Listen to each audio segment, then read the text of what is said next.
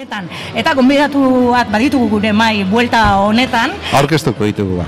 Inma eta unai ditugu EHUko telekomunikazio ingenieritzako irakasleak ditugu egun hon eta ongi etorriak. Egun hon, eskerrik asko.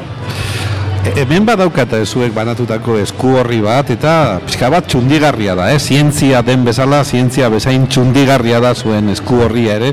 Bertan esaten baituzue unai, e, amar galdera, amar galdera, baina erantzun bakarra.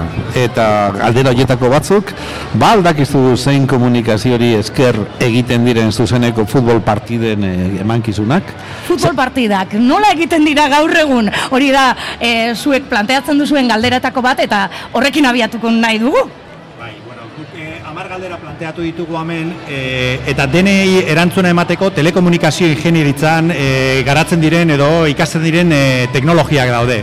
Adibidez, futbol partida bat ikusten dugunean, hainbatetan eskara konstiente, e, imaginak garabatzeko erabiltzen diren kamarak, kamaroien ezaguarriak, e, e, imagina digitalak, etzean ikusten ditugun e, definizio altuko telebista horiek, e, nola joaten dan e, futbol zelaitik eta mundu osoraino e, nola banatzen den e, telebista seinale hori, horiek gauza guzti horiek ikasten dira edo ikusten dira tele, hori, telekomunikazio esparruaren barruan lantzen diren gauzak dira. Eta telekomunikazio ikasketek ematen diet erantzuna era hortako galderei. Tira ba, eta esan beharra dago, e, ja urteak eta urteak daramatza zuela e, bide hori jorratzen. Zenbat e, urteko ibilbidea dauka telekomunikazioen eskola? Bueno, ba, telekomunik... Beitu, orain dela aurten, aurten ez pasaden urtean ospatu genuen e, lehenengo promozioa erten zeneko hogeta, hogeta bost eh, garren urte hurrena. E, beraz, e, orain dela hogeta bost urte graduatu ziren lehenengo ingenie, telekomunikazio ingenieriak Bilboko ingenieritza eskolatik. Beraz, ibilbide luzea dara magu, eta, bueno, e, esparro askotan implikatuta gaude, gauza proiektu eta erakunde askorekin e, lan desberdinak egiten. Esparru askotan, eta horietako bat izan daiteke gazteak, ez? E, horregaitik gaurkoan, e, zientzia asoka honetara lehenengoz, ba, e, eremu profesional horretan e, parte hartzen duzu, ez? Hala da, hala da, ze, bueno, e, Elujar Fundaziotik e, oso proiektu polit eta erakargarri honen barruan, ba, Euskal Herriko Unibertsitateko eta beste Euskal Herriko Unibertsitatetako irakasleak e, kontaktatzen dituzte, ba, bueno, mentore gisa, e, DBH-ko irakaslei laguntzeko, beraien proiektua garatzen eta bar. Eta gurekin ere kontaktuan jarri zirenez, ba, iruditu zitzaigun aukera polita, e, bueno, ikasleekin e, eta hori gaztetxoekin lan egiteaz aparte, e, ba, beraiei gure mundutxu hau ere erak, e, e, erakartzeko mundu honetara, ez? Erakusteko gure mundu honet, e, gure mundu honek e, zenbat aplikazio eta zenbat esparru desberdinetan dagoen. Interesgarria ere agian e, zubiak e, egitea, ez? DBH-ko irakasleen artean eta unibertsitatearen artean, ez? Bai. Ez, ez geratzeko ainurrun, ez? Askotan Bai. agian igual urrun geratu daitekelako, ez? Egia da, adibidez e, aurten, e, babaitu, e, talde batzuk eraman ditugu, ez? Hemen zientzia azokan dauden talde batzuetariko batzuk, eta, bueno, ba, ikasle guzti horiek unibertsitatera hurbildu genituen. Mm. Eta, bueno, turtxo bat egin genien, eta laborategiak erakutsi genizkien, eta ikusi, ikusi zuten barrutik zer motatako gauzak egiten ditugun, jolastu zuten pizkatxo bat teknologiarekin, guk manejatzen dugun eta irakasten dugun teknologia horrekin. Eta beraientzako kriston esperientzia da, ezta? E, unibertsitatera hurbiltzea, ikustea hain urrun- Telekomunikazio ingenieritza hori Telekomunikaz- itxandiak ematen dutena, ez? Bai, baina azkenean konturatzen zara telekomunikazio ingenieritza teknologia dela eta Bai. pertsona direla be bai, ez? Eta han gauden pertsonok egiten dugula edo eramaten dugula aurrera e, teknologia hori eta ba, e, zein hurbila dan eta zein ondoan daukaten eta zubi hori eraiki genuen, saltutxu hori eman genuen eta Mhm. ikusi zuten ba hori Oi, eguneroko gauza badala, ez? Eta hurbildu zaitezkela, laborategiak ikus ditzazkezula, eskua jar ditzazkezula eta gauza txikitsuak egin, eh, guk manejatzen ditugun gauzekin.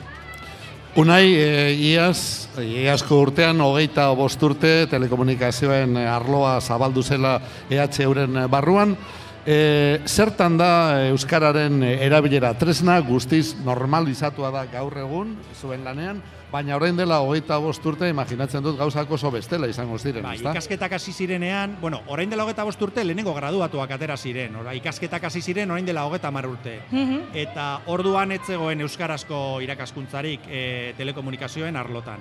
Arloan. E, gaur egun e, irakaskuntza e, eunetik eunean euskeraz esten arren, lehenengo bi kurtzoetan adibidez e, eunetik eunean e, euskaraz da, eta graduaren azkenengo bi urteetan, espezialidade batean ere aukera dago Mhm. euskeraz egiteko, eta gero, e, geroz eta irakasle eta ikertzaile gehiago gara euskeraz gure eguneroko jarduna egiten duguna. Eta orduan, ba, bueno, ari da, pixkanaka pixkanaka beste hainbat arlotan bezala, ez? Ez da erresa e, gizar, gizartean e, e, euskararen erabilera sustatzea, baina bueno, hortan gabiltz eta saiatzen gara bai. Hortan ari zarete, hortan ari da elujar baita ere, eta egia esan, esaten denean, e, zert, zenbateraino sinesten duzue, esaten e, sinesten diozue, esaten duenari, zientziak ez duela hizkuntzarik. Zientziak badauka hizkuntza, ez da? E, e, hor, Galderak galdera, galdera, galdera e, korapilotzua da.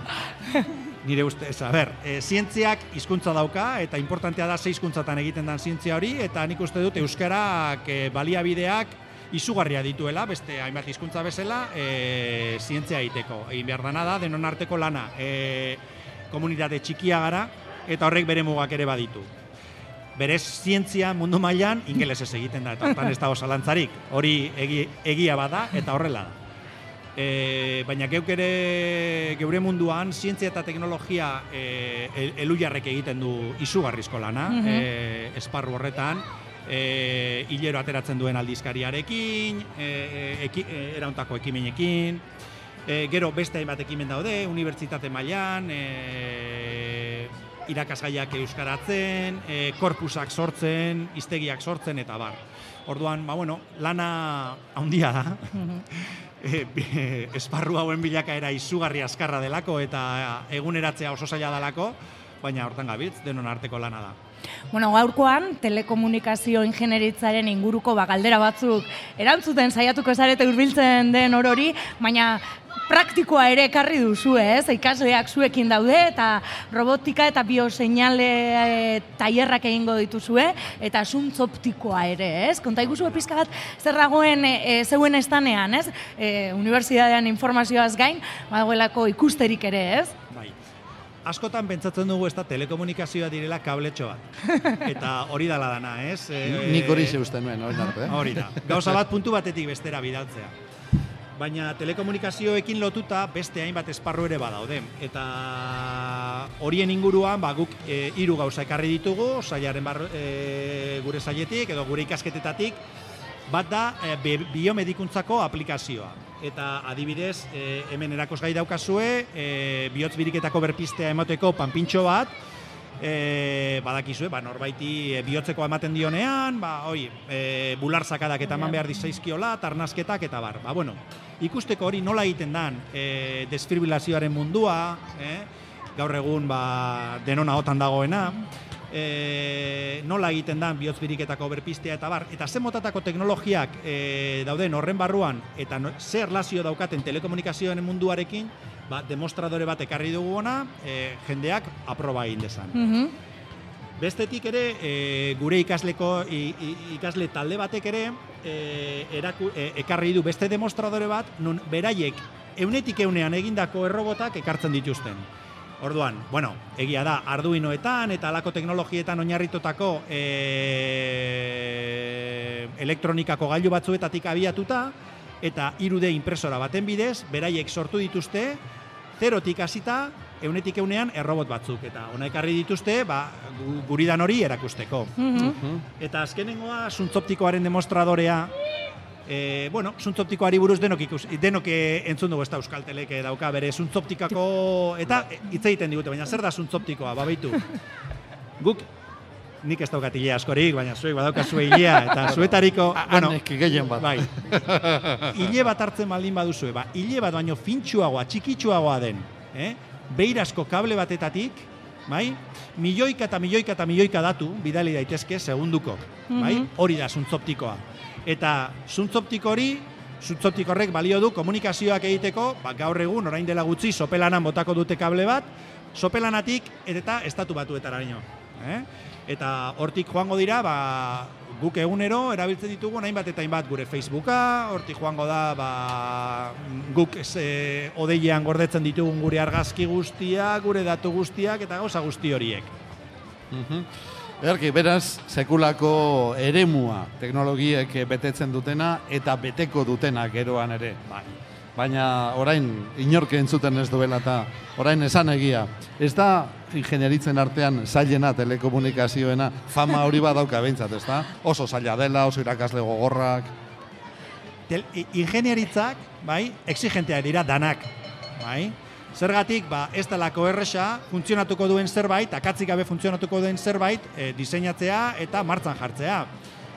Baina telekomunikazio ingenieritza da beste ingenieritza guztiak bezala, ez dauka zailtasun berezirik, e, beste ingenieritzekin alderatuta. Baina ingenieritza bat dela argi e, esan behar dugu, ez da, ingenieritza. Eta orduan, ingenieritza ikasteko, ba, matematiketan trebea izan behar duzu, fizikan trebea izan behar duzu, eta batez ere gogo handiak izan behar dituzu, teknologiak eta teknologia berriak eta aplikazio berriak ikasteko eta garatzeko.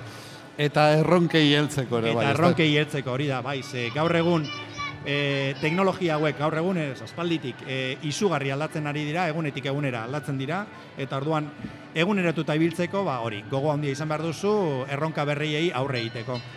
Ba, Unai eta Ima hemen bukatuko dugu. Placer bat izan da, e, telekomunikazio ingenieritzaren fakultaldean lantzen dituzuen horien inguruko informazioa batzea, baina esan dugu hainbat kontu daudela zientzia asoka honetan, eta hurrengo gonbidatuari ere ongi etorria eman nahi diogu. Mi esker. Ba, plazerra gurea, e, zuen, gonbit, e, zuen gonbitea izugarri eskertzen dugu, beraz eskerrik asko zuei gu gonbidatzeagatik. Mila esker eta urren urter arte. Urren urter arte hori da.